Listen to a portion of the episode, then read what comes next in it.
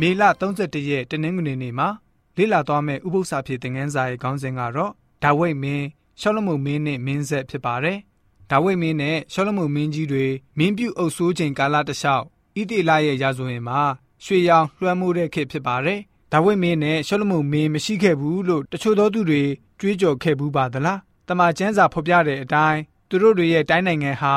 တာယာဝပြောမှုမရှိခဲ့ဘူးလို့တချို့သူတွေတုံ့တက်ဘူးပါသလား။ ဒါဝိဒ်မင်းမရှိခဲ့ဘူးဆိုရင်ယေရုရှလင်မြို့ရှိလာစရာအကြောင်းမရှိပါဘူး။ဒါဝိဒ်မင်းမရှိခဲ့ဘူးဆိုရင်လည်းတားတော်ရှောလမုန်ဟာဗိမာန်တော်ကိုစောက်လုပ်ဖို့အကြောင်းလည်းမရှိပါဘူး။နောက်ဆုံးစကားအကုန်ပြောရမယ်ဆိုရင်ဒါဝိဒ်မင်းသာမရှိခဲ့ဘူးဆိုရင်အနာဂတ်မေရှိယလည်းပဲရှိခဲ့လိမ့်မှာမဟုတ်ပါဘူး။ဘာကြောင့်လဲဆိုတော့မေရှိယဟာဒါဝိဒ်ရဲ့မျိုးနွယ်ကနေဆင်းသက်လာမယ်လို့ကြိုတင်ဂတိထားရှိတဲ့အတွက်ကြောင့်ဖြစ်ပါတယ်။ဣသေလလူမျိုးတွေရဲ့ရာဇဝင်ဟာပြည့်စုံစွာရေးထားရပါမယ်။ တမန်ကျမ်းစာတော်ကနေရာဇဝင်သမိုင်းကြောင်းကိုဖတ်ရှုရတဲ့အခါမှာ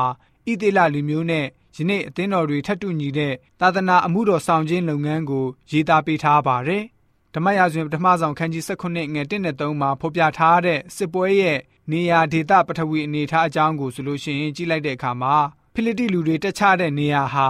ဣသေလလူတွေပိုင်ဆိုင်တဲ့နယ်မြေဖြစ်ပါတယ်။ရှောခေါမြို့နဲ့အဇေကာမြို့ဆက်ကြားဓမိန်အရက်မှာတက်ဆွဲထားကြတယ်လို့ ကျမ်းစာရာဇဝင်မှာဖော်ပြထားပါတယ်။အဲ့ဒီဒေသကိုပြန်လည်တူးဖော်ရှာဖွေကြည့်တဲ့အခါမှာခံတက်ကတုတ်ချင်းတွေကိုတွေ့ရှိရပါတယ်။ရှေးအတိလမြို့တွေမှာမြို့ဝင်တကားတပေါက်တည်းထားရှိတဲ့အကြောင်းကိုလည်းတူးဖော်တွေ့ရှိခဲ့ပါတယ်။အဲ့ဒီတူးဖော်တွေ့ရှိချက်မှာဓမ္မရာဇဝင်ပထမဆုံးခန်းကြီး19ငွေ52မှာမှတ်တမ်းရေးထားတဲ့ရှာရိန်မြို့အကြောင်းကိုဆိုလိုရေးသားတဲ့အကြောင်းထင်ရှားနေပါတယ်။ရှာရိန်ရဲ့အ내အဓိပ္ပာယ်ကိုဝဟာရကနေပြန်ဆိုမယ်ဆိုရင်တော့မြို့တကားနှစ်ပေါက်ဖြစ်ပါတယ် ဒီတို့ကြောင့်တမန်ကျမ်းစာမှာမှတ်တမ်းရှိထားတဲ့ရှေးမြို့ဟောင်းကြီးဟာအစစ်အမှန်ရှိတဲ့အကြောင်းအတည်ပြုနိုင်ပါတယ်2008ခုနှစ်နဲ့2013ခုနှစ်မှာရှေးအကြဆုံးသောထွင်းထားတဲ့ဟေပြဲစာလို့အများယုံကြည်တဲ့တူဖို့တွေ့ရှိချက်နှစ်ခုကိုရှာဖွေတွေ့ရှိခဲ့ပါတယ်ဒုတိယရှာဖွေတွေ့ရှိတဲ့ထွင်းထားတဲ့စလုံးတွေအပေါ်မှာ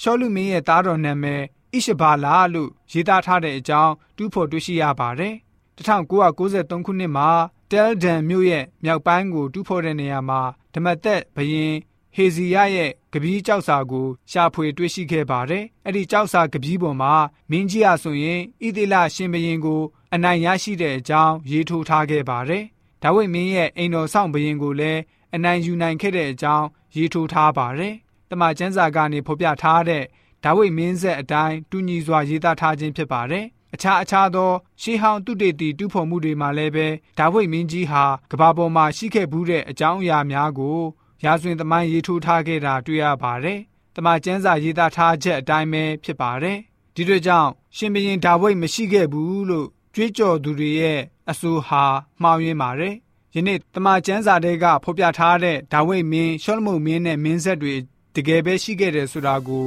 သိစေဖို့အတွက်တနင်္ဂနွေနေ့ဥပုသ္စာဖြစ်တဲ့ငန်းစာက ဖော်ပြပေးထားပါတယ်။